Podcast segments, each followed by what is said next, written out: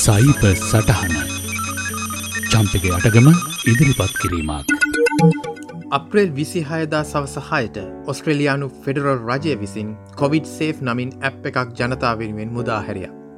Corona රෝගය ඉදිරියේදී පාලනය කර ගැනීම වෙනුවෙන් ජනතාවගෙන් අඩුම ගානි සියට හතලියක්වත් මෙම ඇප් එක ඉන්ස්ටෝල් කර ගත යුතු බව රජය පවසනවා. සිංගප්පුරුවේ සාර්ථකව ක්‍රියාත්මක වූ ඇප් එකකට සමානව මෙය සැලසුම් කළ බවයි පැවසෙන්නේ.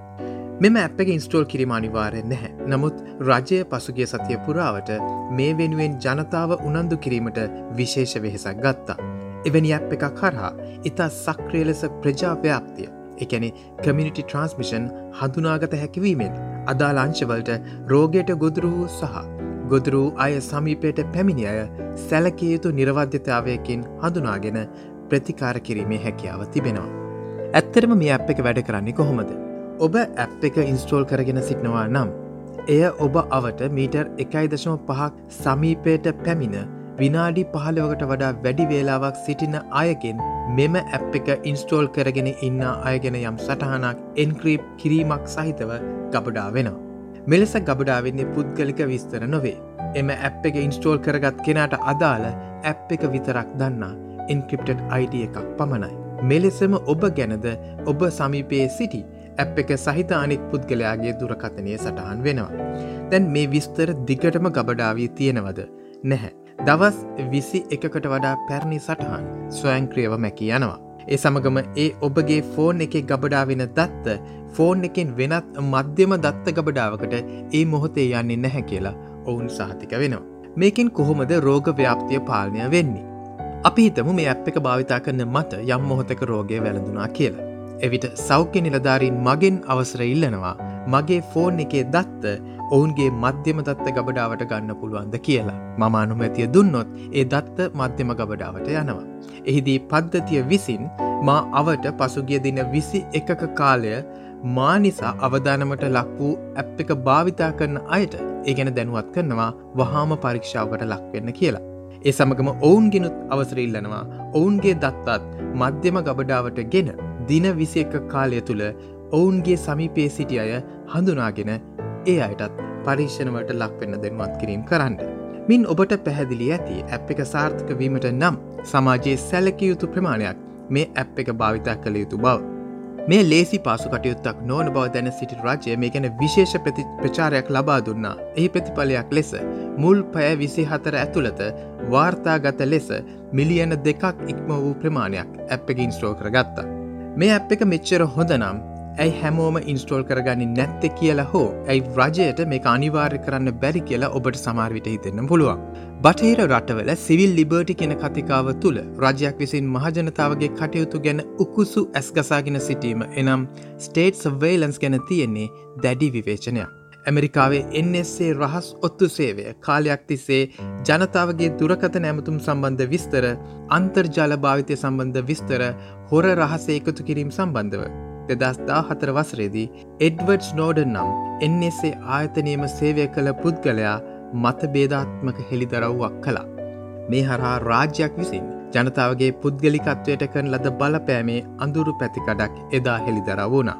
ගිනි පෙනෙල්ලෙන් බැටකෑගෙන කනාමෙදිරි එලියටත් බයකිව වගේ රජයක් විසින් රෝගය මර්ධනය වෙනුවෙන් පවා ගෙනෙන පුද්ගලික විස්තර එකතුක නැප් එකක් තිහා පුද්ගලිකත්ව අයිතින් වෙනුවෙන් සංවේදී බටහිර ජනතාව කුක්කුස්සකින් යුතුව බැලීමේ සාධාරණයක් තියෙනවා. ඒ සමගම දුර්වල ආරක්ෂක ක්‍රමවේද නිසා පද්ධතිය හැක්වීමකට ලක්වුණහොත් ඉන් වෙන හානිය ගැනත් ඔවුන් විමසිලිමත් වෙනවා. නමුත් මේ ඇප් එක හරහා අත්‍යවශ්‍ය තොරතුරු පමණක් එකතු වෙන ලෙසින් ඒ සැලසුම් කරන ලද බව රජය පෙන්වා දුන්න. එලෙසිම එහි ආරක්ෂණ ක්‍රම්වේද සම්බන්ධව ඉතා ඉහල්ල ප්‍රමිතියකින් පරීක්ෂණ කරන ඔස්ට්‍රේලියන් සිගනල්ස් ඩිරෙක්ටරේටි අනුමැතියද එයට ලැබී තියෙනවා. ඇප් එක තාක්ෂණිකව ක්‍රියාත්මක වන්නේ බ්ලූටූත් හරහ වෙන ඩිජිටල් හැන්ෂෙක් ලෙසින් නිසා අතිශය සංවේදී පුද්ගලික කාරණාවක් වෙන අප යන එන ස්ථාන එකැනි ලොකේෂන් ට්‍රකින් මේ හරහා ගබඩා කිරීමක් වෙන්නේ නැහැ. අනික මේ දත්ත මධ්‍යම ගබඩාවට යන්නේ භාවිතා කරන්නාගේ අනුමැති වෙනම් කන්සෙන්ට් ඇතිව පමණයි.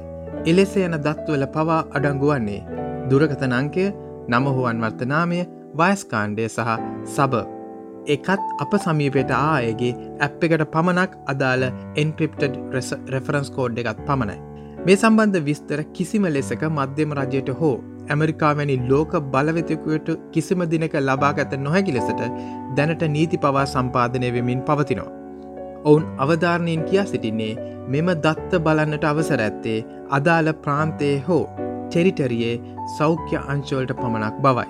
එයත් කන්ටෙක්් ට්‍රේසිං පර්පසස් වෙනුවෙන් පමණයි. ඒ සමගම මේ ඇප් එක අන්තර්ගතය ඕනෑම කෙනෙකුට බැලී හැකි ලෙස එහි සම්පූර්ණ කේතය හෙවත් සෝස්කෝඩ් එක පවා නුදුරේම තාක්ෂණික ශේෂත්‍රයේ අය වෙනුවෙන් පාරදෘශ්‍යභාවය අංගයක් ලෙසින් ඔවුන් එලි දක්වන බවට පොරොන්දු වී තිබෙනවා. දැනටත් තාක්ෂණික සේවේ මේ සම්බන්ධව ඉතාමත් සක්‍රිය සංවාද විශ්ලේෂණ සිදුවෙනවා.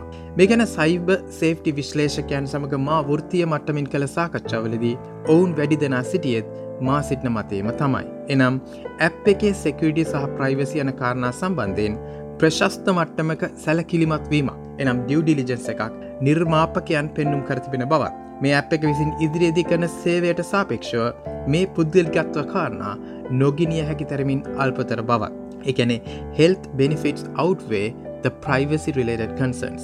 අනෙක අප විහිළුවට කතා වනෙත් මේ ඇප් එකෙන් එකතු කරගන්නවට වඩා විස්තර Google සහ Facebook කරහා අපේ කැමැත්තෙන්ම නිරන්තරයෙන් කොහොමත් කබඩා කරන්න අපි ඉඩදිල තියෙනවා නේද කියලා. ඔස්ට්‍රලියාවේ ජීවත්වන කෙනෙක් විදිට කොවිඩ් සේෆ් ඇ් එක ඉන්ස්ටෝල් කිරීම හෝ නොකිරීම ඔබේ අයිතියක්. වැදගත් වෙන්නේ මොන තීරණය ගත්තත්. හොඳින් කරුණු සොයා බලා ඔබටත් සමස්ත මානව ප්‍රජාවටත් වඩා යෝග්‍ය ආස්ථානයක සිට ඒ තීන්දුව ගැනීම. අදත් ඔබට සයිට සටහන ගෙනා මම ජම්ප එක යටක. Thank you.